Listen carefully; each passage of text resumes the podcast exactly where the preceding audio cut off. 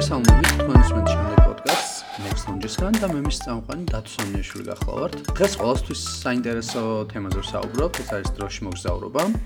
ადამიანს ოდითგანვე აინტერესებდა დროის ფენომენი, ეს ინტერესები უძველეს მითებში და ლეგენდებში ძალიან საინტერესოდ არის ასახული. თუმცა დღეს ჩვენ ამ ყველაფერს მეცნიერულად მიუდგებით მით უმეტეს რომ ზუსტად მეცნიერებისგან ვიცით რომ დრო ფარდობითია შესაბამისად დროის დინება ისევე როგორც დროში მოგზაურობა დამოკიდებული იმაზე თუ სად ვიმყოფებით და რა სიჩქარით მოძრაობთ.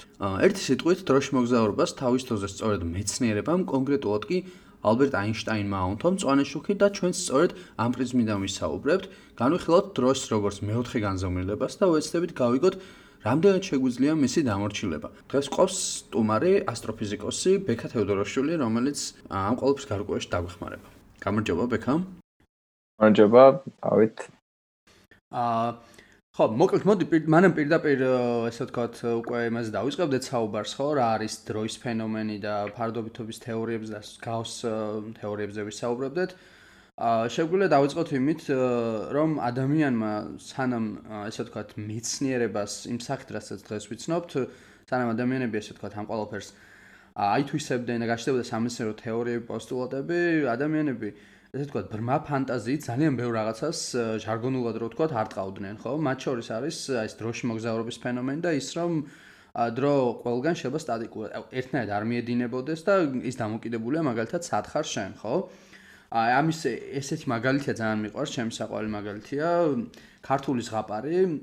მიწა თავისას მოითხოს, ალბათ იცი ეს ზღაპარი შენც, სადაც ახალგაზრდა ბიჭი, მოკლედ ცდილობს რომ იპოვოს, ესე ვთქვათ, აა როგორ ვთქვათ, უსა არასდროს არ მოკვდეს, ხო? უკვდავებას ეძებს და აღმოჩენს კოშკს, სადაც აა როდესაც თავს ამოყობს ამ კოშკთან, იქ გაიცნობს ესე ვთქვათ, მზეთუნახავს და ეუბნება ეს მზეთუნახავი, რომ შენ ამ კოშკში თუ შემოხვალო, ა დრო აქო სხვანაირად გადისო რა. ну, რა თქმა უნდა, ეს ჭაბუკი ამაზე აღფრთოვანდება, იმიტომ რომ ეგეთ რაღაცას ეძებდა ხო, რეალურად უნდა და რომ უკვდავების მიეღწია და ეს გარჩება ცოტა ხანი ამ კოშკში, შემდეგ ამ კოშკიდან ცოტაში მოიწენს, ესე ვთქვა, წამოვა და აღმოაჩენს, რომ კოშკის გარეთ მართლა თურმე დრო ძალიან სწრაფად გადის და მისთვის რომ გავიდა რამდენიმე დღე, თურმე მისის სოფლისთვის და გარშემო ყოფებისთვის ყოველთვის გავიდა რამდენიმე საუკუნე.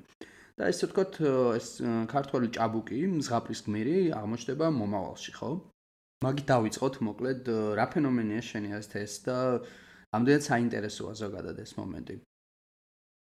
ეგეთი ძველი ლეგენდები ძალიან საინტერესო არის სხვა შორის, იმიტომ რომ აი განსხვავებით თქვათ ჰერბერტის ჰერბერტისეული დროის მანქანის რომელშიც უბრალოდ ან რაღაც თანამედროვე სერიალების დარკის მაგალითად სადაც რაღაც უბრალოდ ერთი მოწყობილობა გვაქვს, რომელსაც ვიყენებთ იმისთვის, რომ გადავიდეთ წინ ან უკან დროში, ამ შემთხვევაში ხდება რაღაცა, ესე იგი, სადღაც წასვლა და იქ სადღაც რომ მიდიხარ შენთვის დრო გადის სხვანაირად და ისეთი ადამიანები, რომლებიც რჩებიან აა ესე იგი უძრავი დამკვირვებლები, აა ათთვის დრო გადის სხვანაირად.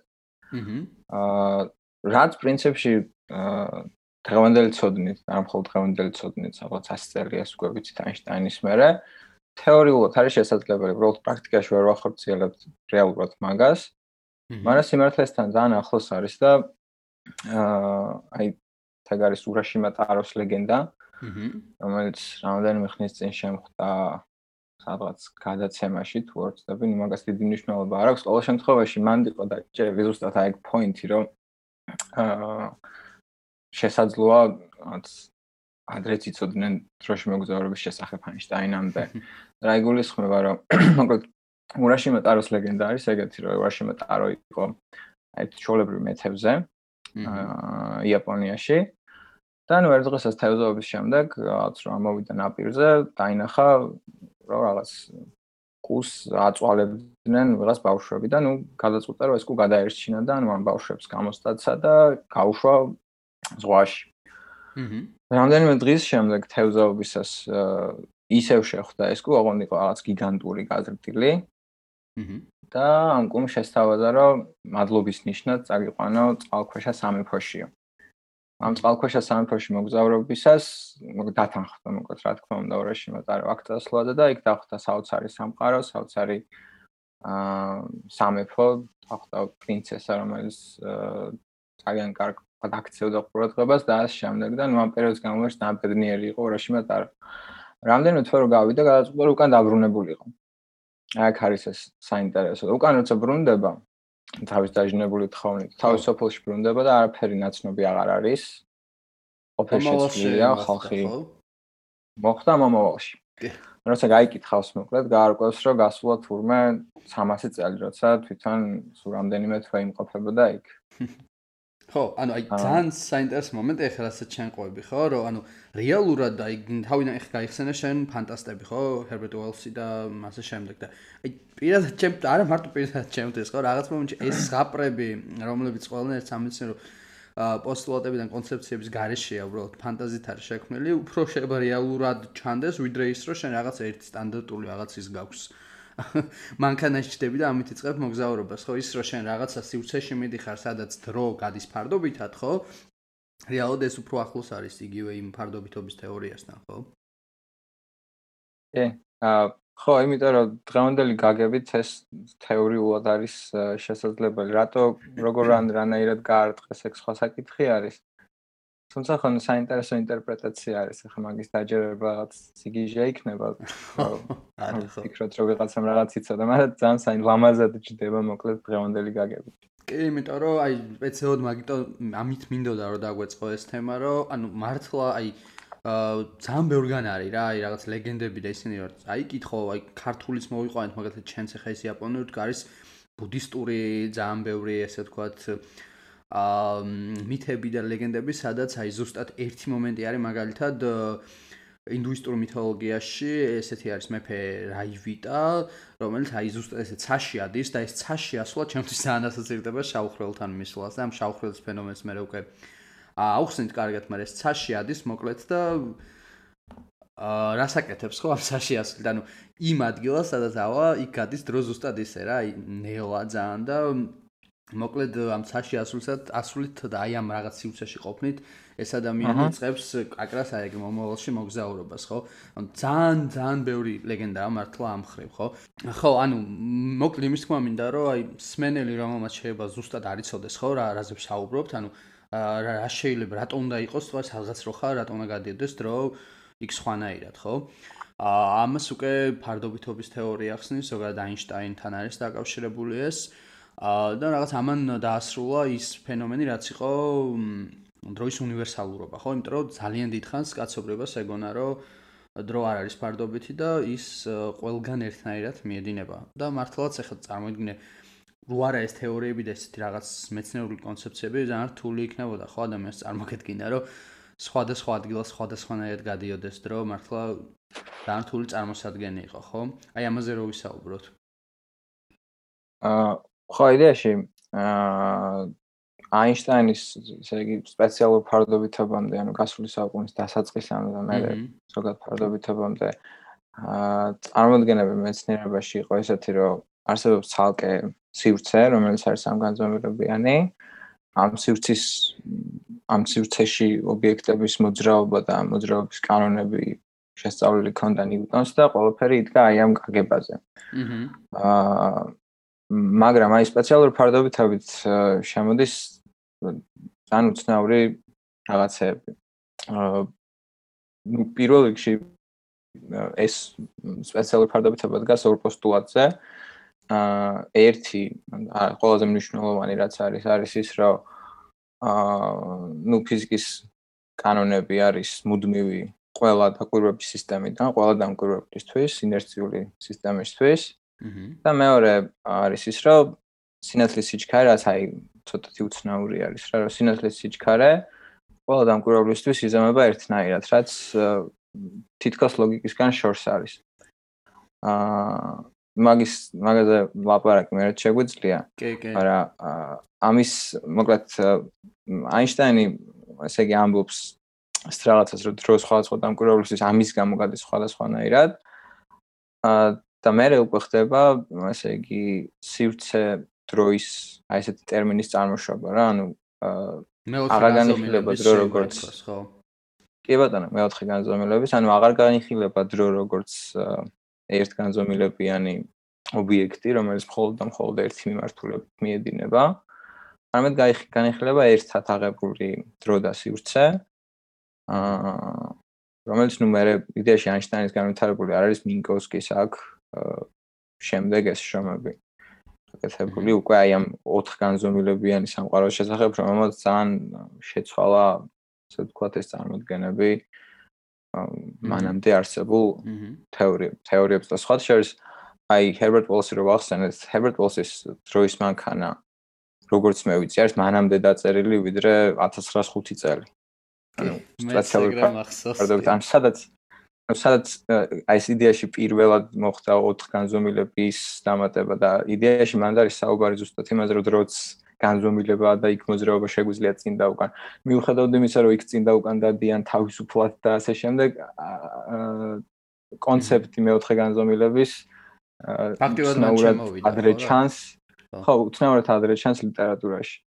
კი, კი. ანუ ეგ ზოგადად სამეცნიერო ფანტასტიკას, ხარისხიან სამეცნიერო ფანტასტიკას შეიძლება ბევრ რაღაცა შეხასიათებს ხოლმე, იმიტომ რომ ანუ ეგეთი ავტორები როგორც წესი ხო, ესეთ ფანტასტები ძალიან ბევრად, ბევრ სამეცნიერო თეორიებს ეცნობიან და შეიძლება ფორმულების დონეზე არ იცოდნენ რა ხდება და თან ეგენი უფრო თავისუფლები არიან, ხო, შენ შეიძლება რაღაცა აა ესე ვთქვათ რაღაც თეორია მოიკითხო და მე ამას ესე ვთქვათ ამბები რაღაცა მიაბა და ესე ვთქვათ გაარტყა ხო რაღაცა. ამიტომ კი.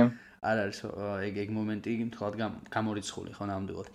აა უბრალოდ აი თვითონ ეს ფენომენი ახლა იმ სვენელიო გვისმენს შეიძლება მაინც კარგად ვერ გაიგოს ხო რა შუაშია იდეაში სამი ანუ ვიცით რა რაღაცას. ესე აღვიქვათ ყოველ შემთხვევაში სამყაროს რო სამი სივრცით განზომილება გვაქვს და აინშტაინთან შემოდის მეოთხე განზომილება რომელიც არის დრო ხო?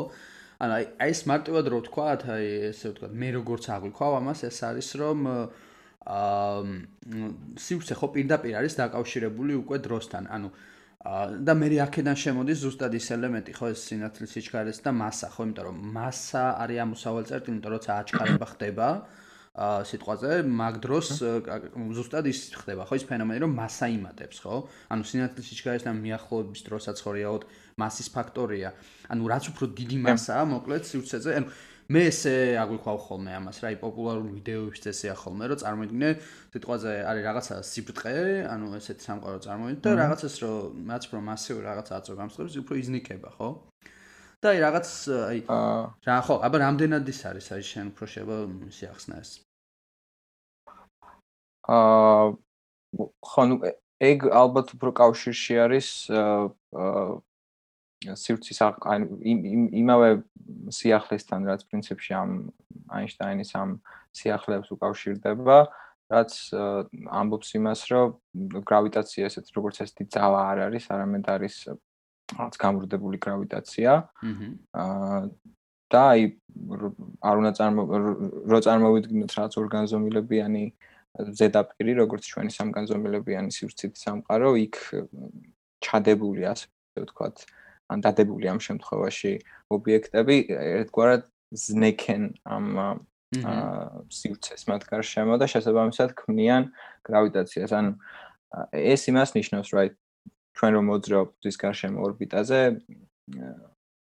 არა რაღაცა კონკრეტული ძალით ვართ ჩაჭერილი, რეალურად ვართ, მაგრამ ეს ძალა რეალურად არის აა იმ გამრუდებული გეომეტრიის ან ჩვენ უბრალოდ მიუყვებით ამ დედამიწა მიუყვება თავის გზას უბრალოდ ეს გზა არის გამრუდებული როგორც ორბიტა მზის ამ შემთხვევაში.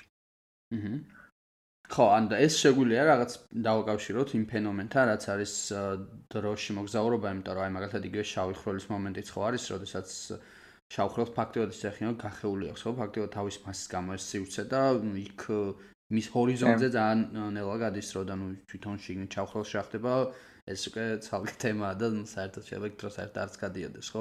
აი ეს რანაირად შეგვიძლია დავაკავშიროთ აი სვენელმა რომ უფრო გაიგოს რა ფენომენია ეს იმიტომ რომ აი მაგალითად ინტერსტელარის მომენტი არის მან კიდე ჩემი ეს ინტერსტელარმა ა ბევრი იქნა ამ აკუთხით ის რომ ფართო მასებში გაიტანა ის ინფორმაცია რაც არის ასე ჩვენ საუბრობთ დროის ფარდობითობა ხო იმიტომ რომ მან თელი ეს ფენომენი ძალიან კარგად არის ახსნილი. აა აღარ საუბრობ უშუალოდ ბოლო დასასრულისგან, სა შავხროლში ხდება იქ რაღაცა პერსონაჟი მოხდება, არამედ საუბრობ ინდაცი მომენტზე ეს პლანეტებზე და ჰორიზონტის გარშემო, როდესაც ერთი პერსონაჟი მაგათთან ნაადრევად დაბერებული დახვდებათ, ხო? როდესაც ისინი რაღაც უფრო დიდ გრავიტაციასთან არიან და კოსმოსურ ხომალდზე რო ბრუნდებიან, ეგ მომენტია თქო და გემახსოვრება და იქ პერსონაჟი ერთ-ერთი უკვე დაბერებული ხო და აი ეს როგორ შეგვიძლია ახსნათ მარტივ ენაზე? თუ შეგვიძლია საერთოდ რო ახსნათ მარტივ ენაზე? აა კი, ალბათ შეგვიძლია.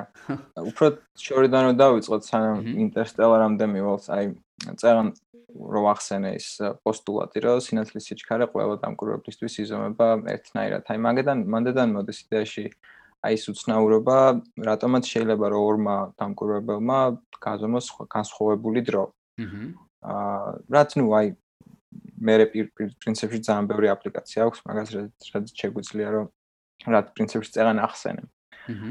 აა აი მარტივ ექსპერიმენტი რო წარმოვიდგინოთ, რომელშიც გვაქვს რაღაც კოსმოსური ხომალდი და ამ კოსმოსურ ხომალდში რაღაც ჭერზე დავამაგროთ სარკე. აა კოსმოსურ ხომალდში იჯდეს ვიღაც ტიპი, რომელიც აანათებს ლაზერს ამ სარკეზე და ეს ფაქტ ეს აა ლაზერი გაივლის, ესე იგი, ჭერამდე მანძილს, შემდეგ დაბრუნდება უკან, ხო? აჰა. შიგნით ვინც ის ის დამკვირვებელი ის ხედავს რას რო ეს გადის, ესე იგი, ვერტიკალურად სწორ გზას და ნუ თქვა რაღაც თუ არის რაღაც 2 მეტრიანი ჭერი, მაშინ გაივლის ზემოთ თორს, გამოთ 4 მეტრი მანძილს გაივლის, ხო? აჰა. აა მაგრამ ახლა გარეთ დამკვირვებლისთვის, ვინც გარეთ ის ეს ხომალდი მოძრაობს წინ, ამიტომაც აა ამ ლაზერმა კი არ უნდა გაიაროს ასე ვერტიკალურად ზემოთ და შემდეგ ვერტიკალურად ქვემოთ, არამედ უნდა გაიაროს რაც სამკუთხედის ნაირი გზა, ხო, რაც დიაგონალზე ავიდეს და ჩამოვიდეს. აჰა. ნიშნავს, რომ 4 მეტრზე მეტი მანძილი უნდა გაიაროს. ნუ პირობითად ვთქვათ, რომ უნდა გაიაროს რაღაც 10 მეტრი. გააჩნია რაც ჩქართ მიდის ეს ხომალდი, ხო? აჰა. აა, მაგრამ აი აქ არის უცნაურობა, რომ თუ სინათლის სიჩქარეს ერთნაირად ზომავენ კოსმოსურ ხომალდში მჯდომი ტიპიც და გარეთ ყოფი ტიპიც, ეს რას ნიშნავს, რომ დრო ხო არის მანძილი გაყოფილი სიჩქარეზე? აჰა. ხო და დიდი მანძილი, რასაც გარეთ დამკვირვებელი ხედავს, გაყოფილი იგივე სიჩქარეზე, რაც პატარა და მეორე დროს ვინც შინძის იზომავს პატარა მანძილის 4 მეტრი გაყოფილი სინათლის სიჩქარეზე, გამოდის რომ დრო, რომელიც გაზომა შიგნით ყოფნა ტიპმა და დრო, რომელიც გაზომა გარეთ ყოფნა ტიპმა არის განსხვავებული. მაგრამ მოვლენა გვაქვს ერთი და იგივე. ну აი პრაქტიკულად ნიშნავს რომ აი ახლა ეს ლაზერის ანათების მაგალითი იყო მაგრამ რაღაც დროის აზომვა რო დავიწყოთ ასე ვთქვათ მაგითი აა გამოვა რომ ესე იგი განსხვავებული დრო გავიდა შიგნით და განსხვავებული დრო გადის გარეთ. აჰა. კი ბატონო. აა ხო და მან პრინციპში ერთ ერთი ლუპჰოული რაც შეიძლება რომ წამოვიდეს ალბათ ის არის რომ შეიძლება სინათლის სიჩქარე რატომ უნდა იყოს მუდმივი ყველა დამკვირვებლისთვის. აჰა. აა მაგრამ რაღაც ასე აღმოჩნდა აა ну უდიდესი ლიმიტი რო არის სიჩქარის ეს ამაში დარწმუნებულები ვართ პრინციპში. თუ არ ჩავთვლით რაღაც სულ სულ ახალ თეორიებს რაღაც ან ეგზოტიკურ თეორიებს აა ამაში დარწმუნებულები ვართ გვარწმუნებს რაღაც ექსპერიმენტებიც რომელიც მე-20 საუკუნეში სტარდებოდა ძალიან ბევრი ნუ თეორიულადაც აა ესე იგი რაღაც ნაწილაკის მაგალითად ელექტრონი თუ გინდა რომ აჩქარო კოლაიდერში ჩქარესთან მიახლოებს 99%-ზე მიდის ხო როგორც ვიცი აა ხო, მაგრამ აი მას ვამბობ, რომ თუ გინდა რომ უშუალოდ ცესიჩქარეს მიაღწიო, გჭირდება ამისთვის რაღაც კოლოსალურად დიდი, უსასრულოდ დიდი ენერგია გჭირდება, რაც გამოდის რომ შეუძლებელია. აჰა. აა ანუ და ინტერზელარის მაგალითს რაც კი, კი, შემეტი არის აქედან გამოდის და ამიტომ ჩდება ესეთი უცნაურობა, ასე თქვა. მე რა ამოცნაურობას მოყვება ის, რომ უნდა გქონდეს სიგრძის დამოკლებაც ასე ვთქვათ, რაც ნიშნავს, რომ ესე იგი ამ კოსმოსურ ხომალდში, რომელიც მოძრაობს ძალიან მაღალი სიჩქარით, ის ის ზომავს განსხვავებულ მანძილებს, ვიდრე ჩვენ ზომავთ და ასე აი მაგალითად ჩვენ რო ჩაგვიქროლოთ რაღაც უცხო პლანეტელების ხომალდმა ძალიან მაღალი სიჩქარით, ნუ ერთი რა თქმა უნდა ვერ დავინახავთ მას, იმიტომ რომ ძალიან მაღალი სიჩქარით მოძრაობს. მაგრამ ამასთან ერთად ის შეიძლება იმდენად დამოკლდეს, რომ რაღაც ერთ თუ არის თქვა რამდენიმე ათეული მეტრი შეიძლება გამოჩნდეს რაღაც სანტიმეტრის სიგრძის. აჰა. მოკლედ ძალიან ბევრი ისეთი რაღაც მოყვება აი ამ ასიტლის წინანდელ ფორმულებს, მათემატიკურ მოდელს, რომელსაც ჩვენი ინტუიციისთვის დღემდე ცოტა უცნაური არის რა. და აა აი ინტერსტელარის ხო შორის იყო რაღაც ერთგვარი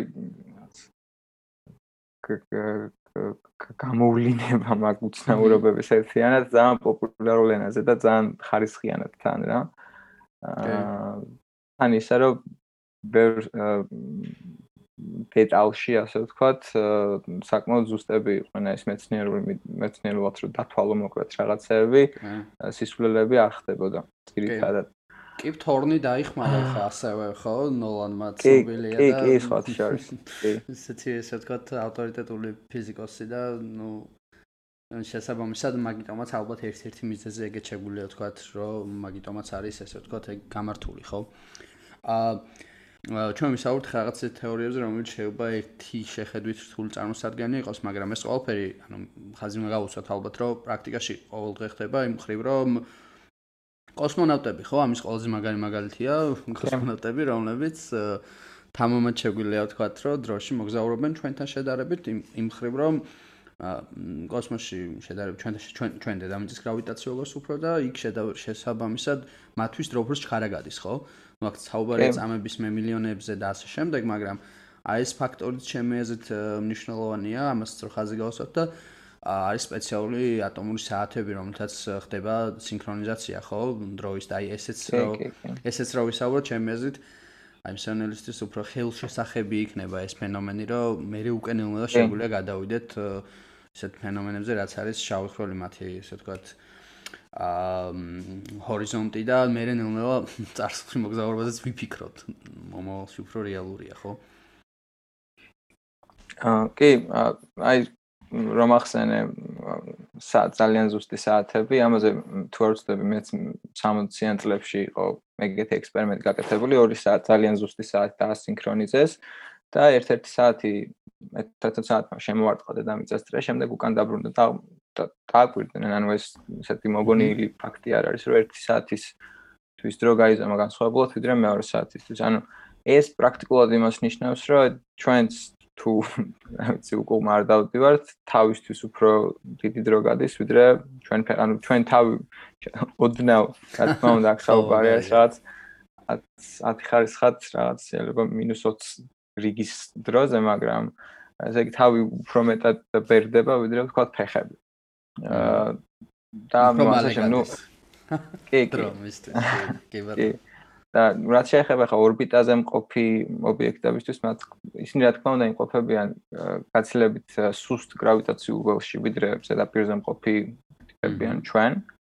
და მათთვისაც ესე იგი იქ გატარებული რამდენიმე თვისას ნუ შეინიშნება დროში ძალიან ძალიან პატარა განსხვავება მაგრამ აა ნუ ეს იმას მეანიშნებს რომ ესე იგი ოდნავ დროში მოგზაურობენ ისინი სხვადასხვა აი მაგ ფენომენზე დროში მოგზაურობის წოდება ცოტათი ხამუშება ხოლმე ძალიან ბევრ ბევრს რა. აჰა. იმიტომ რომ მე მგონი რაღაც რაღაც მაგისტრატურის მისაღებზე ვიყავი და იქ მკითხეს რაღაცა ფარდობითებას და რაღაცა მოვყავი და მე ვთქვი რომ ეს ნიშნავს მეთქი რომ მომავალში მოგზაურობა ბიმოგზაურეთ მეთქი და ცოტა ჩაიღიმა იმ კაცს რომელიც მამოწმებდა და პრინციპში გასაგები არის იმიტომ რომ ამ გაგებით ანუ ესე რომ მიუძგეთ რეალურად ჩვენს ყოველდღიურად ხარ დავდივართ მოგზაურობთ დროში ოდნავ ოდნავ ძალიან ძალიან ოდნავ წინ მაგრამ მოგზაურობთ. ეს იმას ნიშნავს რომ ეს ნიუტონის და გალილეოს მიდგომა სიჩქარის ფარდობითობაზე არის არასწორი არ არის მაგრამ არის ძალიან კარგი მოდელი უბრალოდ დაბალი სიჩქარეებისთვის, ანუ რას გულისხმობ? აი, თქვათ, ერთი მანქანა მოძრაობს 10 მეტრწამით, მეორე შემხვედრი მიმართულებით 20 მეტრწამით, რა თქმა უნდა, ისინი ერთმანეთს მიმართ მოძრაობენ ჯამური სიჩქარით, ხო 30 მეტრწამით. და ეს რეალურად ასე არ არის. რეალურად აა გაძლევთ უფრო რთულად არის საქმე, უბრალოდ აა ეს ეს მანქანები რომ მოძრაობდნენ სინათლის სიჩქარესთან მიახლოებული სიჩქარით მათთვის მნიშვნელოვნად შეიცვლებოდა ასე ვთქვათ აა ეს ჯამურის ფარდომათი ფარდობითი სიჩქარე. მაგრამ გამომდინარე იქიდან რომ ძალიან ძალიან დაბალი სიჩქარე, ესე იგი სინათლის სიჩქარეს რო შეადარო ჩვენი ყოველდღიური სიჩქარეები, არის არის თითქმის 0. ნუ არ ვიცი, ადამიანებს რაც კი ყველაზე სწრაფი შეგვიქნია არის რამდენიმე 10 კილომეტრი წამში, ესეც რაღაც ძალიან მაგარი მისიებისთვის. ხო და 300.000 კილომეტრი წამთან შედარებით ეს არის რაღაც ძალიან პატარა წილი. ამიტომაც ამ ეფექტებს უბრალოდ ვერ ვამჩნევთ. ამიტომ არის ჩვენი ყოველდღიური ინტუიციისთვის რაღაც წარმოუდგენელი ფანტასტიკა და უცნაური. მაგრამ ალბათ ტექნოლოგიების განვითარებასთან ერთად შეიძლება რაღაცნაირად შევძლოთ რომ დავამზადოთ ისეთი ხომალდები, რომლებიც თქვა შეძლებენ ისეთი სიჩქარით მოძრაობას და შეიძლება რაღაც მომავლის ადამიანისთვის ოდესმე აა ეგეთი აა რაღაცა ინტუიციისთვის ინტუიციისგან შორს აღარ იყოს. აჰა. ოდესმე.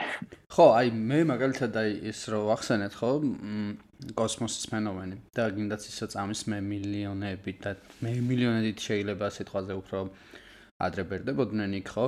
აა ისის ლოგიკურია რა თქმა უნდა, შენ თქმის არ იყოს ბოლო-ბოლო მართლა ზემოთ თავთან უფრო მალე შეიძლება გადიოდეს დროიდრე ფეხებთან, მაგრამ ის უფრო ისეთი ფენომენია, რაც ალბათ შეგვიძლია, რომ შემდეგ უკვე მასშტაბებზე გავზარდოთ, იმიტომ რომ აი მე მიყვარს როდესაც ამას საუბრობენ ხოლმე, აი ეს შავი ხვრელის ფენომენი სტივენ ჰოკინგს ქონდა ხოლმე, ამაზე ძალიან ბევრი რაღაც მაგალითები მოყავდა.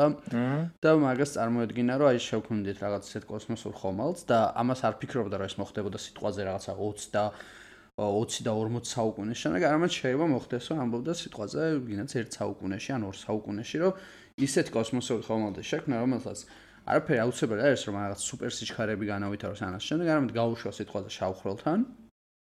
და არ უნდა გადა უნდა მოხდეს მათემატიკური გამოთვლა, ხო? და არ უნდა გადაკვეთოს ჰორიზონტი. თუ ჰორიზონტი გადაკვეთა, იქიდან ვეღარაფერი ვეღარ დაბრუნდება, მაგრამ თუ არ გადაკვეთა ჰორიზონტი სიტყვაზე და აი ჰორიზონტი გათავსებული კოსმოსური ხომალდისთვის დრო შედარებით გავა უფრო, ესე ვთქვათ, ნელა ხო, იმიტომ რომ იქ ძალიან დიდი გრავიტაცია იქნება დედამიწის გრავიტაციასთან შედარებით და ოღონდ ეს არ არის იმაზე საუბარი, რომ უკან დაბრუნებულები სიტყვაზე ძალიან შორეულ მომავალში მოხდებიან. ჰოგინგი ამბობდა, რომ შეიძლება იყოს განსხვავება 5-10 წელიწად შორის, მაგრამ ნუ თვითონ ის ფაქტი რომ ხო, გრავიტაციულ ველს ხო. გრავიტაციულსაც გააჩნია, ხო, მაგრამ ეს ამბობდა, რომ მაქსიმუმს რასაც მიუახლოვდები შენ ჰორიზონტს, ანუ იქნად თავდება ჰორიზონტი.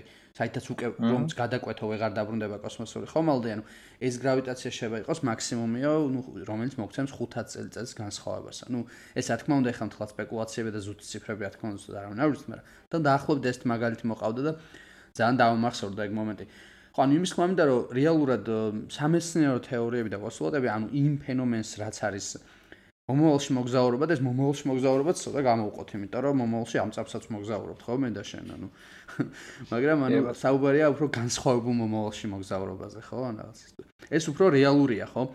აა და ну ამის მაგალითები არსებობს გინდაც ის რომ შევა კოსმოსური ხომალდი აჩქარდეს და იქ ყოფებისთვის გადიოდეს აა ნელა დრო და მეორე ფენომენია გინდაც უკვე წარსულში მოგზაურობა ხო რომელშიც ну ეს ბევრად უფრო რთული აა ესე ვთქვათ კონცეფციაა, ხო?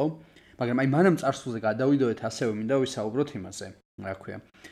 კოლაიდერზე, იმიტომ შენი გახსენა ერთხელ უკვე, რომ აი ეს ნაწილაკების ამაჩქარებლის მომენტი, ხო? და აი ეგენი რეალურად ამ ეს ნაწილაკები როგორც მე ვიცი, სადღაც სინათლის ჩქარისთან მიახლოებით 99% და რაღაც 99%-ით ჩქარდებიან, ხო? უბრალოდ იმას ვერ აღწევენ, რაც არის სრული სინათლის ჩქარი და აი ეს ნაწილაკებისთვის მართლა გადის ესე ვთქვათ დრო ბევრად სხვანაირად ხო? აი ამაზე რა შეგვიძლია ვთქვათ? აა კი და წერანაც ეგ ვახსენე რომ უბრალოდ ესე იგი პროპორციული არ არის ენერგიის მატება და სიჩქარის მატება ერთმანეთს ანუ რაც უფრო მეტ ენერგიას ანიჭებ ამ ნაწილაკებს სიჩქარე პროპორციულად არ ეცვლება. თინ განსაკუთრებით მაღალ სიჩქარეებზე ლაპარაკობ ახლა რა თქმა უნდა. აა ნუ ეს იმას ნიშნავს რომ ხო რაც წეგან ვახსენეთ ზედაზღვარი გვაქვს.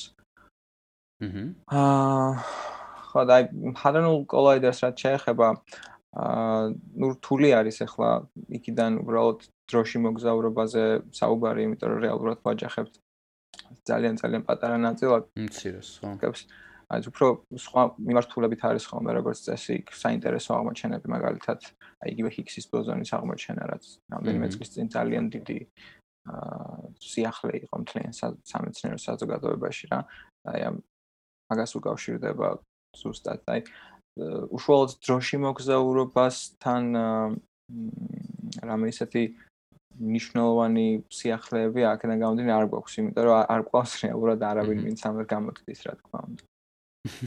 ხო, არა, უბრალოდ ის მომენტია, რომ აი რომ ამოვიკითხე, მანდ იყო ეს მომენტი, რომ ანუ ეს ნაწილაკები რეალურად იმ დონეზე ჩქარდებიან, რომ მათთვის თვითონ უშუალოდ ნაწილაკებისთვის გადის დრო, ბევრად, ესე ვთქვათ, ნელა, იმიტომ რომ აი მაგალითი იყო მოყვანილი თუ რაღაც კონკრეტული ნაწილი შეიძლება იშლებოდეს წამის რაღაც მე მილიარდებში, შედარებით რაღაც 30-ჯერ უფრო ნელა ხდება მისი დაშლა, ეს რა თქმა უნდა თვალისთვის აუქმელია, მაგრამ რო აკვირდებიან, ანუ ეს ფენომენი, ესე ვთქვათ, უმცირეს ნაწილაკების დონეზე ამას რაღაც დონეზე აკეთებენ უკვე, მაგიტო გამახსენდა უბრალოდ.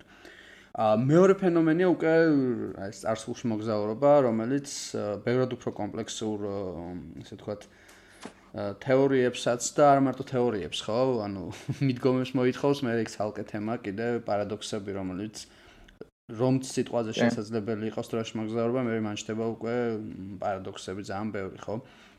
აა დრო აი მეური მეცნიერი ფიზიკოსები რაღაც აი მეებისთანაც მისაუბრია, თითქოს რაღაც ორად იყოფიან, არიან ადამიანები, რომლებიც ოდესაც არსულში მოგზაურობის ფენომენს ახსენებ რაღაცა ასე ძახილს ნიშნს სვავენ და ამბობენ რომ თეორიულადაც წარმოუდგენელია და всё ეს თემა ისეთ რაღაცა რომ არასდროს ამაზე არ უნდა ველაპარაკოთ აბსურდია და ნუ არიან ასე ვთქვათ მეცნიერები რომლებიც ამბობენ რომ ეს ძალიან რთული რაღაცაა ბოლომდე არ ვიცით ჯენო მაგრამ არაფერს გამორიცხვა არ შეიძლება ხო შე როგორ ფიქრობ აა ერთი ცხადად ვიცით რომ გვაქვს მათემატიკურად ძალიან კარგად გამართული მოდელი რომელიც მომავალში მოგზაურობას დასტურებს. მაგრამ აი უკან დაბრუნების შესაძლებლობას ეს არ იძლევა. აა ანუ არ არსებობს რაღაცა ისეთი მოდელი მათემატიკური თუნდაც თუ არ ჩავთვლით რაღაც მომხოლების მომხოლებში კიდევ უფრო ეგზოტიკურ რაღაც მოდელებს, რომლებსაც რაღაც მოსაზრებები არსებობს, რომ შეიძლება მაგათ მაგათ საშუალებით მოხდეს წარსულში მოძრაობა. ჯერ თვითონ wormhole ძალიან ჭიეს ხრალი ძალიან ეგზოტიკური ფენომენი არის. არც არის დადასტურებული, ხო? არ არის. კი ბატონო. ხო და შემდეგ შიგნით უნდა მოხდეს ძალიან ძალიან კონკრეტული და ძალიან ისეთი ვიწროდ განვითარებული მოვლენები, რომლებიც შეიძლება ესეთი რაღაც წარმოშონ. რაც რაც მე ვიცი. ყოველ შემთხვევაში აა და სხვანაირად ნუ პირველ რიგში მანდ არის ხოლმე ბაბუის grandfather პარადოქსი რომელიც ანუ მიზეს შედეგობრიობა ირღვევა აი ამ თუ დავუშვებთ ეს რაც აზრობრივ ექსპერიმენტში რომ თქვა შეძლო ვიღაცამ გადავიდა წარსულში ირღვევა მიზეს შედეგობრივი კავშირი რომ შეიძლება ჩვენ გავანადგუროთ ჩვენივე თავი. ამიტომ არის NOST მიზეზი იმისა, რომ ასეთი ასე არასერიოზულად აღიქმება ჯერჯერობით ეს არის ის, რომ არაფერი საფუძველი იმისა, რომ ვიფიქროთ, რომ ეს მართლა მუშაობს, არ არსებობს. აა და მეორე არის, რომ ძალიან ბევრი პარადოქსი წარმოიქმნება. თუ მე თან მარტივი პარადოქსია, თუ მე წავედი წარსულში და მოვკალი ბაბუა ჩემი, შემდეგაც მე ვეღარ გავჩნდები და ერთ წავედი დოდი მაშინ უკან და მაშინ რა მოხდა. ხო, მაშინ. მაგაზე სხვა შორის არის 13 სამეცნიერო ფანტასტიკის მოყვარულებს აქვს ეგეთი ძალიან საინტერესო პასუხი.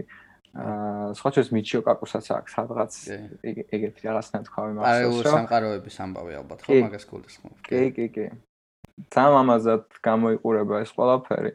აა თუმცა დღესდღეობით ყოველ შემთხვევაში არაფერი საფუძველი არ გვაქვს რომ რაღაცნაირად მეცნიერულ და თუმცა არც იმის საფუძველი გვაქვს მეორე მხრივ კი რომ გამოვიწყოთ ეს უარყოთ ამიტომ რაც ესეთი საუბარი 200 წლის წინ როგორ თქვა რომ დროში მოგზაურობა მომავალში შესაძლებელია. საერთოდ ალბათ ვერ წაღიქვამდნენ რა ხდებოდა და ხო ну ვერ ვერ დაამტკიცებდი ხო სიტყვაზე? ანუ ვითხოვდნენ რომ იტყოდნენ მაშინდელ მეცნიერები რომ შენ არანაირი ესე ვთქვათ არც თეორია არაფერი არ გაგაჩნია რაც ამას დაამტკიცებს მაგრამ მნიშვნელოვანია ის რომ არ გაგოჩნია ისიც რაც ამას 100% უარყოფს ხო? მე როგორ როგორც მე ვიცი. კი. ხო ან მან არის ძალიან საინტერესო მომენტი როდესაც საუბრობთ მასე როგორ თქვა ანუ პარადოქსებზე ხო და პარადოქსების მოგვარებაზე იმიტომ რომ ეს ბაბუის პარადოქსი შეიძლება თქმის არ იყოს მაგას გვეუბნება რომ როგორ შეგიძლია შენ სიტყვაზე მოკლა შენ წინაპარი და მაშინ შენ საიდან მოკალის წინაპარი, ხო? არც უნდა გიარსება ეს ლოგიკა, მაგრამ შემოდის პარალელური სამყაროების თეორია, სადაც გეუბნებიან, რომ რა პრობლემაა, ანუ შენ უბრალოდ პარალელურ სამყაროში აღმოჩნდები, ხო? აა მაგრამ აი მან მნიშვნელოვანია მიჩო კაკუც რო თქვი შენ, რომ ეს პარალელური სამყაროების თეორიაც რა თქმა უნდა რაღაცნაირი სპეკულაცია, მაგრამ აქვს ხო, ესე ვთქვათ, ამოსავალი წერტილი, რაც არის აა ესე ვთქვათ, აცეყნობა კვანტურ მექანიკას და იმას, რომ ნაწილაკები შეიძლება ერთ დროს სხვა სხვა ადგილას იყვნენ, ხო? ეს ან ისეთი რთული ფენომენია და იმაგერს რო ვისაუბროთ, რა რა კავშირი შეიძლება კონდეს, აი გინდა ზემოთ რო ვახსენეთ კვანტურ მექანიკას, ანუ ნაწილაკების, უმცირეს ნაწილაკებს და პარალელური სამყაროების თეორიას, იმიტომ რომ როგორც ვიცი, ზოგადად ეს პარალელური სამყაროების თეორია იოლ აქედან ამოვიდა კიდევაც, ხო? ყოველ შემთხვევაში გამყარებული აქედან არის, როგორც მე ვიცი. აა ხო, აა აი back to the future შეიძლება არის რაღაც თავის სურათზე რო ვიღაცები ხრებიან ნელ-ნელა და კი. სხვა სხვა სამყაროში რა გადადის. აა კვანტურ მექანიკაშიც პარალელური სამყაროები ის აი ზუსტად იგივე ხდება, მე მგონი რაც აქ, რომ ასე იგი არაფერი რეალური საფუძველი რეალურად არ გვაქვს ამისი, თუმცა აი ამაზე ადრეს გვაქვს ჩვენ ნავაპარაკები, ასე იგი თუნდაც შროდინგერის კატაზე, სადაც ასე იგი ეს მდგომარეობა შეიძლება იმყოფებოდეს, ორ მდგომარეობა შეიძლება იმყოფებოდეს. კატა ერთდროულად, ну ეს კატა ყველაზე ესეთი მათ მოფიქრებული სხვა შეიძლება ერთ-ერთი აინშტაინის იყო, ვინც ეგ მოიფიქრა. იმის და დასადასტურებლად თუ რამდენად სისულელე იყო იმ დროისთვის ეს ტელეკონტური მექანიკა. რომ ერთდროულად შეიძლება რაღაცა არსებობდეს ორ მდგომარეობაში, სპინაპი გქონდეს და სპინდაუნი გქონდეს, ქვედა და ზედა სპინები გქონდეს. მაგალითად, თუ უშუალოდ ფიზიკაზე ვილაპარაკებთ. აა მაგრამ როგორც გვაკვირდებით, მე უკვე იძენს ერთ მდგომარეობას, ანუ კატა მარტივად რო ვთქვა, თან ცოცხალი ან მკვდარია. აა ხო და ხო, აი კატა თქვა არსებობს ესე იგი ორ მდგომარეობაში ერთდროულად და ეს შეიძლება გახდეს იმისი ასე ვთქვა წარმოდგენის საშუალებას გვაძლევს იმისას, რომ შეიძლება იქმნებოდეს ას პარალელური სამყაროები ყველა ჩვენს გადაწყვეტილებაზე. თუმცა ესეც არის ანუ არაფერი რეალურად ისეთი მეცნიერული საფუძველი არ აქვს, უბრალოდ ძალიან ლამაზად ჟღერს და შესაძლოა ესმე თამკიცდეს რომ მართლაც ესე არის, რომ რაც ყოველ ჩვენს პატარა გადაწყვეტილებაზე იქმნება პარალელური სამყარო. პარალელური სამყარო. ხო, ანუ ეგ ძალიან მაგარი რაღაცაა, რომ ანუ მაგ ეგ რო წარმოვიდგინოთ, აი რაღაც სვენელს რო დავეხმაროთ, ესე ვთქვათ, კიდე აღქმაში, ეგ მომენტი არის, რომ ანუ ყველაფერი რაღაც დონეზე, ანუ გამოდის, რომ არსებობს, ანუ ნებისმიერი ესე ვთქვათ, ჩემი გადაწყვეტილება, რომელიც მე სიტყვაზე აი ამ წამს შემიძლია გავაკეთო, ეს ყველაფერი არსებობს უბრალოდ მე რაღაც ერთ ხაზს ვხედავ და ამ ერთ ხაზს მივყვები. და შესაბამისად მე თუ დავბრუნდები წარსულში და გავაკეთებ ისეთ პარადოქსალურ რაღაცას, რაც არის ბაბუა ჩემის სიტყვაზე მოკლა, ისე რომ ამან ჩემი არ არის ჯერ დაბადებული. ეს უბრალოდ ესე ვთქვათ, ერთ-ერთ პარალელურ სამყაროში სამყაროს შექმნის ან სულაც უბრალოდ აღმომაჩენს ამ ესე ვთქვათ, პარალელურ სამყაროში. ხო, დაახლოებით და ეს რაღაცაზე ვსაუბრობთ. აა ა მეც მეც ესე მესმის ყოველ შემთხვევაში.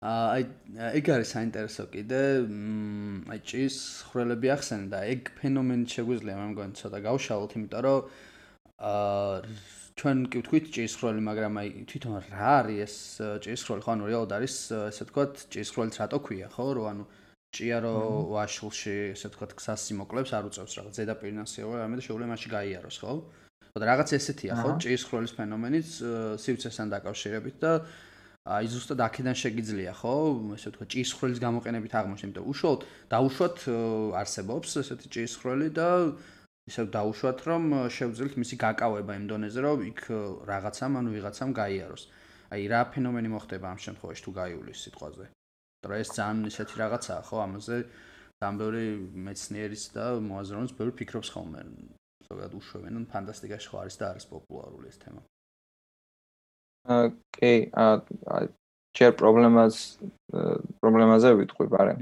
აა ჯერ ერთი ის რომ არაფერი არ ვიცი საერთოდ არის თუ არ არის, მაგრამ აა აი როგორც კი გაჩნდა შავხრელის შესახებ წარმოდგენები, მაშინვე გაჩნდა მაგის იდეაც, რომ შეიძლება არსებობდეს რაღაცა ისეთი ჭიის ხრელი მაგალითად, რასაც დავარქმევთ ჭიის ხრელს. აა და სხვა შორის აი პირველი თუ არ ვთქვი ეს აინშტაინ-როზენის ხიდები, რომელზეც ნუ აინშტაინი მუშაობდა, მაგრამ აა თავი პრობლემა აქ არის ის, რომ თვითონ აა ესე იგი ამ ჭის ხრელის გრავიტაცია აკოლაფსებს, მაგრამ ძალიან პატარა დროში ჭის ხრელი კოლაფსდება თავის თავში. თუ თეორიულად სადმე არსებობს, კოლაფსდება თავის თავში, რაც ნიშნავს იმას, რომ არ არსებობს. აა მაგრამ თუ რაღაცნაირად შევძელით მოახერხეთ, ოღონდ ეს ძალიან ისეთი ასე იგი არის ძალიან ეგზოტიკური მატერიის არსებობას მოითხოვს, რომელიც შეძლებს პრაქტიკულად იმას, რომ ეს გრავიტაცია, რომელიც აკოლაფსებს wormholes თავის თავში, ანუ ანადგურებს ეს მარტივად რო ვთქვათ, ამ გრავიტაციას გაუწევს კონკურენციას, მარტივად რო ვთქვათ და გრავიტაცია თუ დაკოლაფსებას ცდილობს, ის შეცდება რომ გააფართოვოს, ასე ვთქვათ. მაგრამ აი ეგ სუპერ ეგზოტიკურობა, იმიტომ ახსენე ამ ნაწილაკის და ასეთი მატერიის, რომ ეს ნიშნავს, რომ ესე იგი უნდა იყოს ანტიმასა, ესე უარყოფითი მასა რაღაცა, რაც რაც ნიშნავს ახლა დადებითი მასები ერთმანეთს იზიდავენ, აი წაღანდელი მოდელისგან გამომდინარე, იმიტომ რომ ანტიმატერიას გულისხმობ? ანტიმატერიას არა, უარყოფით მასას ამ შემთხვევაში. აჰა, აჰა. ხო. ხო, აი ვარშალოთ ეგ მაინც. დადებითი მასა თუ დადებითი მასა თუ აი სამგანზომილებიან სივრცეს, ესე იგი ზნექს და აქედან გამომდინარე ორი დადებითი მასა ერთმანეთს იზიდავს, როგორც აი თქვა, გვიზიდავს დედამიწა და დედამიწას მზე და ასე შემდეგ. უარყოფითი მასა პირიქით უნდა მოიქცეს. განიზიდოს? აა ხო. აი და აი აქ ამაზე უნდა დადგეს მოკლედ ეს ეს ეს ხოლმე მოსადრება არის რეალურად არსებობს დღეს. აი ვომ თუ თუ შეიძლება შევქმნათ ჩვენ თვითონ ჭიის ხროლი, აი ესე უნდა შევქმნათ მაშინ. მაგრამ აი თუ თუ რაღაცნაირად ოდესმე მოხერხდა რომ ან ჩვენ შევქმნით ან სადმე ვიპოვოთ ჭიის ხრელი მაშინ აა ხდება აი პრაქტიკულად ზუსტად რასაც ამბობდი. შენ რომ ეს არის რაღაცნაირი აა ხრელი ესე იგი რომ დააკავშიროს სამყაროს ერთი წერტილი მეორესთან აი ინტერსტელარში არის ახსნილი მე მგონი ზუსტად ჭიის ხრელი არის ახსნილი ფურცელზე. აა როცა და სხვა შეიძლება ეგეთი მაგალითი არის თუ არ ვწდები Stranger Things-ში Upside Down-ის აღსაწერა რატომ რაც ანუ ფურცელი არის როლებრივი ორგანიზმებიანი რომელსაც ხრეტენ კიდეებში და ერთმანეთთან აერთებენ იქ ნახი გეკნება. ამის მაგათ მთელი ფურცლის სიგრძე გავიაროთ ანუ სამგანზომილებიანი სივრცეში გავიაროთ ძალიან ძალიან დიდი მანძილი რეალურად შეგვიძლია რომ ერთ ჭის ხროლში გავძვრეთ და მოხვდეთ სამყაროს ძალიან ერთი წერტილიდან მისგან ძალიან დაშორებულ წერტილში, რაც პრაქტიკულად ნიშნავს, რომ სინათლესაც კი გავასწრებთ. აა ну აა უცნაურ ძალიან ბევრი უცნაურობა მოყვება მე კიდე ამას, იმიტომ რომ აა პრაქტიკულად ჭის ხრელი არის გარედან რო უყურებ შავი ხრელი. აჰა ანუ რაღაცა ძველი მკვდარი ვარსკვლავი, რომელიც იმდენად მასიურია და იმდენად დიდი გრავიტაცია აქვს, რომ სინათლეც კი ვერ ძრება იქიდან. და მეორე მხარეს ჭიის ხრალის უნდა იყოს ესეთი გამოგონილი, ასე ვთქვათ, აა ობიექტი, რომელსაც ესე იგი საპირის თეთრი შავი ხრალის საპირისპირო თეთრ ხრალს ეძახიან, რომელიც პირიქით ესე იგი გაისვრის ობიექტებს როგორც ის ისე ისრუტავს შავი ხრალი თავის შიგნით, ამან უნდა გაისროლოს. აა რაღაც აბსოლუტურად განსხვავებულ სივრცეში, სადაც რაღაც დროც განსხვავებულად გადის და ასე შემდეგ. აა ხო და ეს ყველაფერი რაღაც მართლა ძალიან საინტერესოა, ძრეს რაც უფრო მეც თამაშობ ამ თემით, უფრო და უფრო საინტერესო რაღაცეები ამოიყრება, მაგრამ ხო ანუ ჯერჯერობით მართლა უფრო ის არის ინტერპრეტაციის ამბავი არის, რაღაც პატარა ცოტნე შეიძლება ძალიან ბევრი ინტერპრეტაციები გაუკეთო ამ თამაშით, მაგრამ ხო, ჯერჯერობით ისეთი არის რა. აჰა. შეიძლება ყოველ შემთხვევაში არ ვიცი. წარსული უფრო შორს არის ეს სიტყვით ვიდრე მომავალი. ეგ ეგეთი რაღაცა გამოდის, ხო? ანუ რაღაც დონეზე შევხედოთ, იმიტომ რომ რაღაც მაგდება. ხო, იმიტომ რომ ერთი შეხედვით მომავალში შეგიძლია.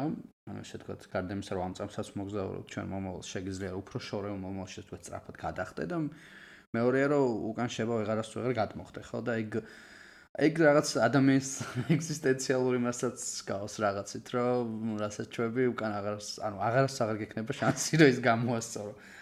თუმცა რავი ან ნუ მე მანდ სიტყვაზე არის ხოლმე მომისმენია დაჟე სიტყვაზე რამდენიმე მეცნიერი მაგაზე რომ საუბრობს კამათობენ და არის ხოლმე ერთ-ერთი არგუმენტიც რომ მაშინო სიტყვაზე იქნებოდნენ არსებებიან ადამიანები რომლებიც ესე ვთქვათ მომავლიდან არიან ხო აქ მაგრამ ნუ ეგ კიდე ცალკე თემაა იმიტომ რომ ეგ ისეთი რაღაცა არსება რომელიც შეძლებს სიტყვაზე რომ წარსულში დაბრუნდეს ის იმასაც შეძლებს რომ შენ ვერ მიხვდე რომ ის წარსულს ის მოვიდა ხო აქ ესე ვთქვათ რაღაც ხო რაღაც როგორც უცხო პლანეტელებზე ვამბობთ პარადოქს რომ სად არიან მაშინ? თუ არ არიან? თუ არიან? ნუ ხო. ეხლა თუ უცხო პლანეტელები ესე ვთქვათ ანუ შევა იყოს ცივილიზაცია რომელიც უბრალოდ გაკვირდება და შენ ვერ აღიქვა რომ ის გაკვირდება ხო? და ნუ არ არის აუცილებელი რომ კონტაქტ შემოდიოდეს. ნუ ეს კიდე ის არის რა უნდა უცნაური რაღაცა. ხო ნუ ყოველ შემთხვევაში აი ესეთი რაღაცები ან სადაც უკვე თეორიული ფიზიკაა საჭირო და რაღაც ანუ მართლა იმას გაფიქრებინებს რომ ძალიან ძალიან ბევრი რაღაცა არ ვიცით რეალურად და რაც უფრო მეტს ვიგებთ, მით უფრო მეტს ვიგებთ იმაზე, რომ არაფერი ბევრი რაღაცა კიდე არ ვიცით. ხო, აი მართლა ეგეთი მომენტია, ხო? იმიტომ რომ ოდესაც ჩვენ გონია, რომ სიტყვაზე დრო არის აა ესე ვთქვათ უნივერსალური და ყველგან ერთ დრო ერთნაირად მიედინება, პრობლემა არ არის. შენ გონია, რომ დროის ფენომენი ამოხსნილი გაქვს, მაგრამ როცა იგებ ესეთ რაღაცას, იმდენი შეკითხვა გიშდება, რომ მე ძალიან რთულია ხო გასცემოს პასუხი. აა შეგვიძლია ალბათ რომ ნელ-ნელა დასრულსკენ წავიდეთ, მაგრამ მე მე მინდა ესეთი მექსიკელი ფიზიკოსი იყო, გეცვენება თქმა უნდა, ალკუბიერე ხო, მე მგონი ესე რქვა. აა რომელსაც აი ესეთი იდეა ქონდა ხო, მე მგონი კოსმოსური ხომალდი, რომელიც სინათლის სიჩქარეზე სწრაფად იმოძრავებს, ოღონდ ეს კოსმოსური ხომალდი არ უნდა იყოს, ან თან რთულია მოკლედ მაგის ახსნა, ალბათ ჩვენ უფრო კარგად ახსნი. რას გულისხმობდა ეს კაცი ამ კოსმოსურ ხომალდში, რომელიც სინათლეში გადასწრაფად გადაადგილდება, მაგრამ ამის გადაადგილდება რაღაც იგივე ეგზოტიკური მატერიის გამოყენებით, ხო, რეალურად, იმიტომ თვითონ არ უნდა ვერ განავითარებს იმ სიჩქარეს, ხო, აი რა ფენომენი და ნუ ეს ალკუბიერი ამით ხსნიდა სიტყვაზე, რომ ამბობდა, რომ აი ესეთი რაღაც ხომალდითო შეიძლება რომ ადამიანებმა იმოგზაურონ დროშიო. აა ხო, აა ესე იგი მანდაც საუბარი არის რაღაც ძალიან ძალიან უცნაურზე. ნუ თამასავალი წერტილი არის ის რომ ესე იგი კი ვიცით რომ ნაწილაკს ვერ ავაჩქარებთ სინათლის სიჩქარეზე სწრაფად. მაგრამ თუ და პრინციპში დღეს თანხდებით უკვე მაგაზე ყველანი რომ აა ესე იგი სივრცე გვაქვს სივრცე შეიძლება გამრუდდეს და უბრალოდ ამას აკეთებენ მასიური ობიექტები. აა მაშინ შეგვიძლია ვთქვათ, რომ იქნებ ხელოვნურად გავამრუდოთ სივრცე. ხო, მოკლედ აქ საჭირო არის ესე იგი, რომ იმისათვის, რომ ესე იგი სინათლის სიჩქარე სწრაფად ავამოძრავოთ ეს ხომალდი, თუ გვაქვს რაღაცნაირი ხომალდი, რომ მის წინ და მის უკან შევქმნათ აა ესე იგი განსხვავებული ასე ვთქვათ სიმკვრივის სივრცე. რაც ნიშნავს იმას, რომ ესე იგი აა ესე იგი ხომალდის მიმართულება წინ რა ვირჩიოთ, ესე იგი უკან სივრცე თუ რაღაცნაირად შევძელით და გავაფართოეთ და წინ პირიქით შევკუმშეთ. აა ეს წარმოქმნის ერთგვარ ტალღას სივრცეში. ტალღა მე მგონი კარგი აღწერა არის. რომელიც გააქანებს ამ ხომალდს შეიძლება რამდენიმე 1000 სინათლის სიჩქარითაც. ნუ გააჩნია ამას როგორ მოახერხებთ და ასე შემდეგ. ბევრი პარამეტრი არის დამოკიდებული. აა ხო, ეგ შრომა არის 90-იან წლების. და ნუ იმის მერე, ესე იგი, ესე იგი დიდი განვითარება არ ქონია, თუმცა აა რაღაც შრომები დღემდე არის, რაც მე მახსოვს, რომლებიც რაღაცნაირად ცდილობენ, რომ აი ეს ესე იგი ფანტასტიკურობა, ფანტასტიკურობის ელემენტები ამოიღონ აქედან და რაც შეიძლება უფრო რეალური გახადონ აა ასეთი ხომალდის დამზადება. ანუ პრაქტიკულად შეძლონ ის, რომ სივრცის გამრუდება და შეკუმშვა, სივრცის შეკუმშვა და გაფართოება უფრო სწორად მოახერხონ რაღაცნაირად აი ესეთი ყოველგვარი დამხმარე ანტიმატერიის ბოდიში უარყოფითი მასების და ასე შემდეგ მათი გამოყენების გარეშე. აა ხო და ვაკ კიდევ ერთხელ აი ესეთი ესე იგი სამეცნიერო საზოგადოებასთან არის ესეთი უცნაურობა რომ რანაირად შეიძლება მოხდეს აა სინათლის ჩქერდა სწრაფად მოძრაობა. ნუ ერთი შეხედვით ეს წარმოუდგენელია, მაგრამ აი რაღაც ეს ხო რეალურად ნაწილაკის მოძრაობა არ არის, რაღაც იმის მოძრაობაზე არის საუბარი თვითონ ტალღის გავრცელებაზე, რაც აი აა ძალიან უცნაურად ჟღერს. მაგრამ შეიძლება არ ვიცი, შეიძლება ოდესმე ეგეც შევძლოთ. ხო, ხო, ეგ არის კიდე ერთ-ერთი, ანუ ამ როდესაც დროშ მოგზაურობაზე საუბრობთ, რომ აა თვითონ აი ეს თემა, რომ შევხედოთ დროშ მოგზაურობას, ალბათ ერთ-ერთი ყველაზე ისეთი რაღაცა, რომელიც თავიდან ბოლომდე ფანტასტიკის სფეროს მიეკუთვნებოდა, ანუ აი თავიდან მაგიტომ დავიწყეთ ალბათ რაღაც მითებით და ლეგენდებით და ნელ-ნელა, ნელ-ნელა, ანუ ამ ესე ვთქვათ, ფანტასტიკაში შემოვიდა მეცნიერება, მათ შორის ემით, რომ ფარდობითობის თეორიით აინშტაინით, იმიტომ რომ აინშტაინმა გააჩინა უკვე ეს მომენტი, რომ თუ სიტყვაზე დრო მართლა არ არის უნივერსალური, სხვადასხვანაირად მიედინება, შესაბამისად, დროში მოგზაურობა მომავალში ყოველ შემთხვევაში ბევრად უფრო რეალურია და შესაძლებელია, ხო? და ანუ აი მაგას ვხედავთ ჩემი აზრით პირადად, რომ აა მეცნება რას უფრო გამვითარდება, უფრო რეალურად შეაბიჯებს ამ სფეროში. და რა ვიცი, ნუ რა იქნება, ნუ ამის რა თქმა უნდა პროგნოზება ძალიან რთულია, ხო? აა აი რა ვიცი, რომ შევაჯამოთ ჩვენ საუბარი, აი და მოდი ესე ვთქვათ, არსულში ორბრუნდებით და მომავალის პროგნოზები გავაკეთოთ, ანუ როგორ წარმოგიდგენიან, ამდენად ახლო მომავალში ან შორეულ მომავალში შეიძლება ამ მოცემულობით ჩვენი მეცნიერება ტექნოლოგიები ისე განვითარდეს, რომ მოდი ჯერ ვთქვათ, მომავალში მოგზაურობა შევძლოთ იმ დონეზე, რომ რეალური რაღაც შედეგები მოგვცეს, ან წარმოიდგინე კოსმოსური ხომალდი, რომელიც პირობითად ამადა ამ წელს ტოვებს დედამიწას და დაბრუნდება 70 წლის შემდეგ. და ვიღაც მსურველები არიან სიტყვაზე, ვისაც უბეზრებული აქვს აწმყვა ძალიან აინტერესებს მომავალი და ექსპერიმენტში იღებს მონაწილეობა შდება ამ კოსმოსურ ხომალდში მიფრინავს და რო ბრუნდება მისი ახლობლები კი არ ნაცნობი აღარავინ აღარ არიან ცოცხლები მაგრამ თვითონ იწყებს ახალ ცხოვრებას მომავალში. ну ეს შევა მისთვის საინტერესო იყოს და იმისთვის ვინც ურაში მატაროები არის. ხო ხო ანუ ეგ არის რა მე მაინც იქით განვარ რომ რასაც ადამიანის ფანტაზია რაღაც დონეზე უშვებს აა მაინც ადამიანის ხო რაღაც ჩაოლებრივი ამ სამყაროს ნაწილია შესაბამისად ისეთ რაღაცას ალბათ ვერც წარმოიდგენს რაც ამ სამყაროსთვის წარმოუდგენელი იქნება ხო და რა ვიცი ანუ აი როგორ წარმოგიდგენია მოკლედ რამდენად რეალური შეიძლება იყოს და თუ თუ არის საერთოდ ეგეთი შესაძლებელი და როდის შეიძლება იყოს ეგეთი ეგეთი მომავალი თუ გვექნება საერთოდ? აა არ წარსული თუ იმსჯელებთ აი რაღაც სინათლის სიჩქარის ნიშნულობაზე ხარ რომ ამ სინათლის სიჩქარის მნიშვნელობას ვიყენებთ უკვე აი სამომავლო წინასწარმეტყველებებისთვის რაღაც სულ გასულ საუკუნეში დავადგინეთ მეტიც რაღაც ძველ ბერძნებს ეგონათ რომ უსასრულოდ დიდი სიჩქარე ქონდა სწორედ დარწმუნებულები არ იყვნენ ანუ უსასრულოდ დიდი იყო ანუ ძალიან დიდი იყო არისტოტელეს აზრით. მე რაღაც გალილეო გალილეიმაც კი ვერ დაადგინა ეს და მე რაღაც ძალიან ძალიან უხეშად დაადგინეს. აა სხვა შეგერის ისე გალილეოს მოსაზრებით რაღაცნაირად ეს 210000 210000 კილომეტრი წამში მიიღეს. და ნუ მე აი ეგ დღემდე არ ვიცით იდეაში ზუსტად სინათლის სიჩქარის ზუსტი მნიშვნელობა. მაგრამ ძალიან კაი ექსპერიმენტები გვაქვს უკვე წინასაუკუნეში გაკეთებული, რითიც ამას ვაკეთებთ, ხო და რაღაც რამდენიმე ასეული წლის წინ რაღაც რაღაც ფანტასტიკის წყარო იყო და ჩვენთვის წარმოუდგენელი საერთოდ არც კი ვიცოდით რამდენი იყო კი არა აა კონდა თუ არა ლიმიტი ან უსასრულო გვეგონა. დღეს რაღაც მაგითი მანიპულირებ პირიქით მაგითი რაღაცებს თulit და ასე შემდეგ. აა ხო და თან რაღაც საინტერესო ფაცები ჩდება ხოლმე ეგეთ ინტერპრეტაციებში და რა იქნება არ თქმა უნდა არ ვიცით ალბათ მაგრამ რა ვიცი იმედი არ ამეს ისეთ საინტერესოს მოვესწრებთ ხო ხო ნამდვილად.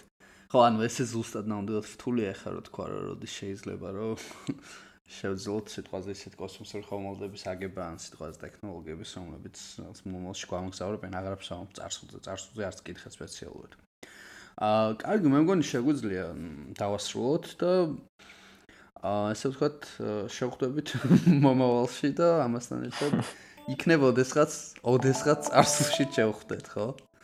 რაღაც. დიდი მადლობა, დიდი მადლობა შენ და რა მადლობა მსმენელსაც. მადლობა 我喜欢这样的。